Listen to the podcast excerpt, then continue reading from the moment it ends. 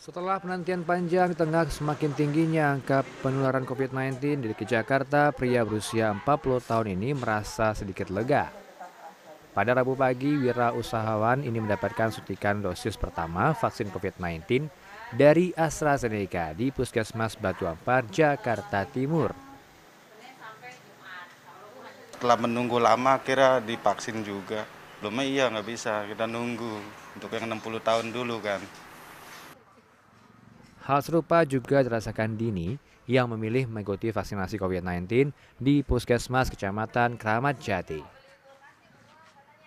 Uh, usia 47 tahun dari Kelurahan Batu Ampar. Tanggapan saya terhadap vaksin umum ini bagus ya, maksudnya uh, jadi daya tahan tubuh kita untuk penyakit COVID-19 ini uh, bisa preventif lah istilahnya gitu.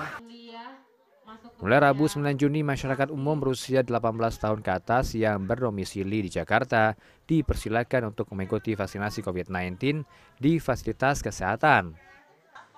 Meski demikian, masih banyak warga yang belum mengetahui sudah dimulainya vaksinasi untuk masyarakat umum di luar kriteria lansia, kelompok rentan, pelayan publik, dan tenaga kesehatan. Padahal untuk mengikuti vaksinasi COVID-19 masyarakat umum ini syaratnya cukup membawa kartu tanda penduduk DKI atau surat keterangan domisili. Untuk animo masyarakatnya belum terlalu banyak Pak. Mungkin ini karena hari pertama ya di bisa dilihat eh, apa situasi di ruang tunggu apa di tempat antrian ini pasien yang datang dari tadi ngalir-ngalir aja langsung duduk di meja praregistrasi.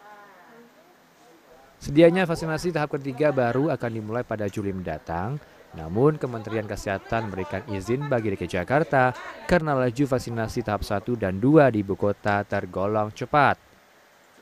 Selain itu, juru bicara vaksinasi COVID-19 Kementerian Kesehatan Siti Nadia Tarmizi menyebut angka kasus COVID-19 di Jakarta yang terus bertambah di atas 700 kasus per hari dan positivity rate 7,6 persen dalam sepekan terakhir juga menjadi pertimbangan untuk DKI memperluas sasaran vaksinasi pada masyarakat umum lebih awal. DKI Jakarta itu sudah uh, menyelesaikan vaksinasi tahap kedua itu di atas 40 persen.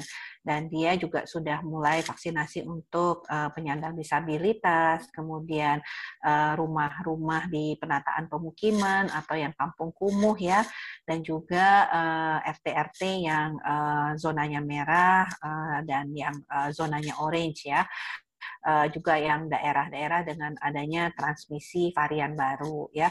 Nah, jadi uh, tentunya dengan pertimbangan-pertimbangan tersebut uh, maka uh, DKI meminta izin untuk memulai vaksinasi karena mereka merasa sudah siap untuk melaksanakan vaksinasi tahap ketiga.